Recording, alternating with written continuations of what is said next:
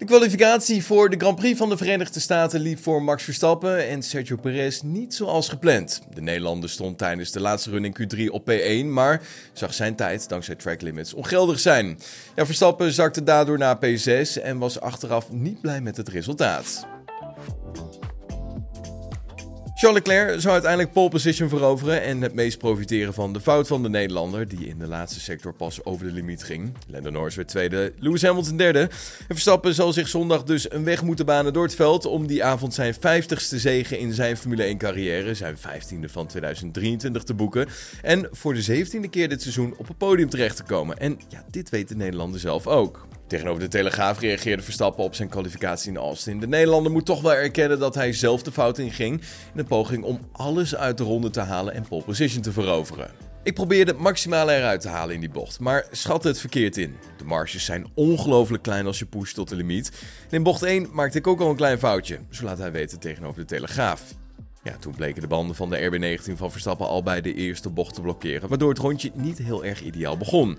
Toch bleek de ronde van Verstappen al snel genoeg te zijn voor P1, maar dat was al snel verleden tijd toen de tijd van Verstappen werd verwijderd. Hierdoor start de Nederlander dus zondag vanaf P6.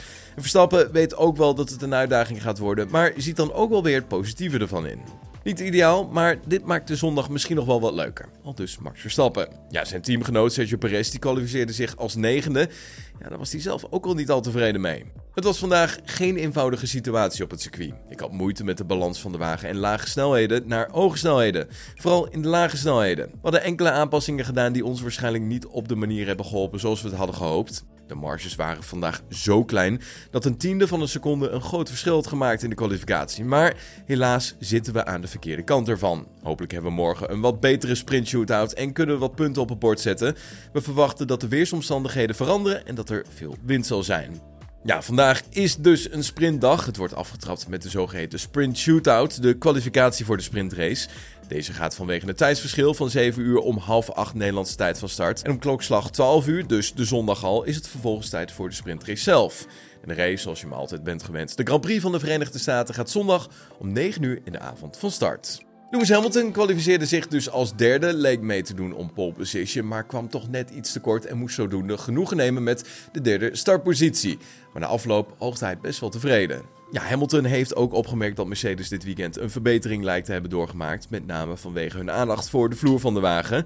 Wat betreft zijn eigen prestaties, ja, blijft Hamilton toch wel bescheiden. Tijdens de persconferentie na de kwalificatie wordt hem gevraagd of hij denkt dat hij zondag de Grand Prix kan winnen. Het is nog te vroeg om te zeggen. Geen van ons heeft al lange runs gedaan, dus ik heb geen idee. Misschien maakt het feit dat Red Bull niet in de top 3 staat het wel een betere, spannende strijd, omdat ze vaak behoorlijk voorop lopen en gewoon verdwijnen in de verte. Dus hopelijk kunnen de drie van ons een spannende strijd hebben. Al dus Lewis Hamilton. Vier coureurs hebben in Texas nieuwe onderdelen op hun auto zonder daarvoor gridstraffen te ontvangen van de FIA.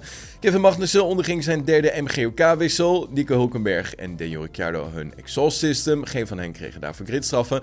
Alleen Williams wisselde de versnellingsbak van Alexander Albon voor de rest van het weekend. Als we het dan gaan hebben over de upgrades, dan zijn Aston Martin en Mercedes de enige topteams met aanpassingen in Austin. Aston Martin werkte aan de vloer, de cover van de motor, de beamwing en de diffuser. Haas volgde een Red Bull-achtig concept met upgrades aan de vloer, de sidepods en de voorkant. Het team van AlphaTauri concentreerde zich voornamelijk op de vloer, de cover van de motor, het chassis zelf en de hoeken van de achterkant. En het team van Alfa Romeo bracht enkel upgrades aan de randen van de vloer was hem dan het GP nieuws van de zaterdagochtend hier op Spotify. Vond je dit een leuke aflevering? Kan ik me heel goed voorstellen. Vergeet ons dan zeker niet te volgen. En vanmiddag zijn we er gewoon weer. Tot dan. Hoi.